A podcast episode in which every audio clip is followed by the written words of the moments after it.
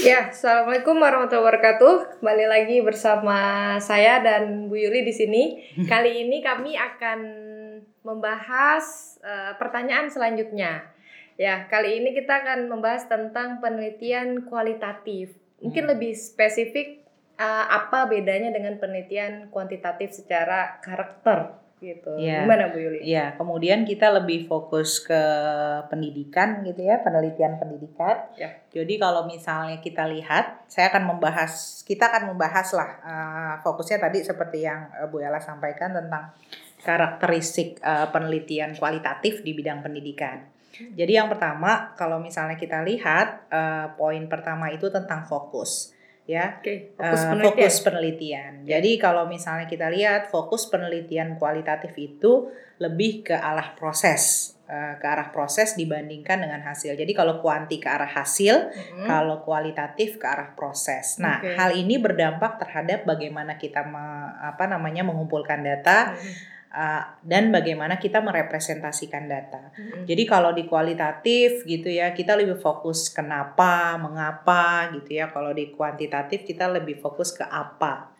Yeah. Jadi kalau misalnya uh, kita lihat Eh, misalnya contohnya hasil belajar. Jadi kalau hasil belajarnya misalnya ada angkanya gitu ya di kuantitatif fokus kepada hasilnya dalam bentuk angka, maka di kualitatif bagaimana sih angka itu merepresentasikan apa. Okay. Kalau kita bilang siswa paham, pahamnya seperti apa gitu. -hmm. Jadi misalnya kita tidak lihat berhenti di situ. tidak berhenti di situ. Oh, dia memahami sebuah konsep, kita tanyakan konsep itu secara mendalam, makanya biasanya didalaminya dengan wawancara. Jadi uh, misalnya dia menyampaikan sebuah konsep contoh di kimia itu misalnya larutan elektrolit. Maka yang kita yang kita kaji gitu ya bukan berapa sih nilai tes dia gitu di topik uh, elektrolit tapi bagaimana uh, proses dia mengkonstruk pemahaman konsep dia tentang elektrolit. Elektrolit adalah elektron bergerak larutan yang bla bla bla. Jadi bagaimana lebih, dia menggambarkan, uh, menggambarkan elektrolit, larutan elektrolit, elektronnya bergerak seperti apa dan sebagainya. Dan bagaimana berdampak terhadap uh, dia dapat mengantarkan listrik. Jadi okay. proses. Nah, itu akan berdampak ke karakteristik-karakteristik selanjutnya. Okay. Nah, yang kedua, tujuan. Jadi kalau di penelitian kuantitatif itu lebih bertujuan kepada generalisasi. Iya, betul. Ya, jadi merepresentasikan apa Bu Ella? Sampel uh, sebuah populasi, populasi. ya. Uh, jadi sampel yang kita ambil kemudian merepresentasikan itu. Jadi misal sebuah metode berdampak terhadap hasil belajar, maka kita bisa mengeneralisasi sebuah metode itu berdampak kepada konteks lain. Hmm. Nah, kalau misalnya di kualitatif lebih spesifik konteksnya gitu. Jadi ketika kita meneliti sebuah kelas itu mungkin bekerja di kelas itu, tapi mungkin mungkin tidak tidak berdampak di, di kelas lain. Jadi sangat bagaimana karakteristik itu akan berpengaruh terhadap dampak dari sebuah uh, model atau met ataupun metode contohnya. Nah, okay. Jadi lebih ke tujuan ya? Iya, lebih ke tujuan. Jadi di kualitatif tidak ada generalisasi hmm. karena memang kita tidak melihat unik itu unik kekhususan, ya. kekhususan dari sebuah konteks penelitian yang kita teliti. Hmm, Kemudian kalau misalnya kita lihat dari nah nanti kita lihat dari sampel datanya ya. Jadi biasanya kalau kualitatif memang tidak fokus kepada jumlah gitu okay. ya, tapi kebermaknaan. Hmm. Bagaimana kita memahami partisipan secara mendalam dibanding berapa banyak jumlah partisipan yang kita peroleh. Karena memang sangat terbatas ketika kita mengambil data ya kalau semua satu kelas satu secara kelas. mendalam ya wawancara satu persatu satu secara mendalam gitu secara mendalam ya kalau wawancara satu persatu cuma pertanyaan singkat dan sebagainya mungkin bisa. bisa. Tapi kalau secara mendalam mungkin kita butuh waktu yang lebih lama lagi okay. dan memang uh, mungkin uh, makanya biasanya studi kasus hanya berapa orang hmm. gitu satu dua tiga uh, lima orang dan oh, berarti sebagainya. boleh ya satu orang aja ya? Iya. Jadi kasusnya mungkin dan contohnya misalnya ada anak yang tadi yang sangat berprestasi, dia pemenang olimpiade, kan tidak banyak partisipannya gitu ya. Iya. Jadi uh, kita akhirnya menelitinya secara khusus. Nah, makanya biasanya hasil data analisisnya kalau di kuantitatif kan angka-angka difokuskan okay. ya. Kemudian hmm. kita melihat tren dan iya. sebagainya. Yeah. Nah, kalau di kualitatif tuh lebih fokus kepada bagaimana analisis teks, ada teks, wawancara siswa, datanya tuh gambar banyak, banyak banget. Sekali.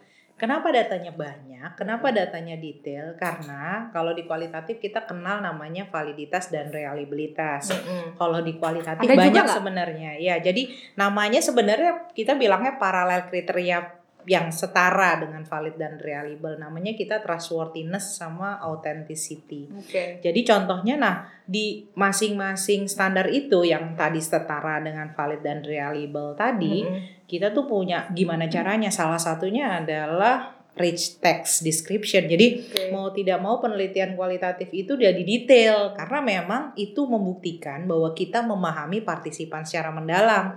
Jadi harus dideskripsikan secara detail. Jadi, Jadi, bukan kalau hanya asumsi Asum- ya. ataupun ya bukan hanya asumsi terus bukan hanya deskripsi yang sifatnya oh seluruh siswa termotivasi malah kita lebih harus menunjukkan mungkin nggak Bukti-bukti Pak, bukti detail. bukti-bukti detail misalnya siswa itu pada eh, biasanya tidak bertanya kemudian dia bertanya pertanyaannya diuraikan apa sih yang ditanyakan apakah kemudian hanya kita levelnya rendah? deskripsikan dan sebagainya gitu jadi lebih kepada eh, proses detail representasi data itu Oke. kemudian Tapi tetap boleh ada angka di penelitian Ya, kualitatif. nah terkait dengan angka.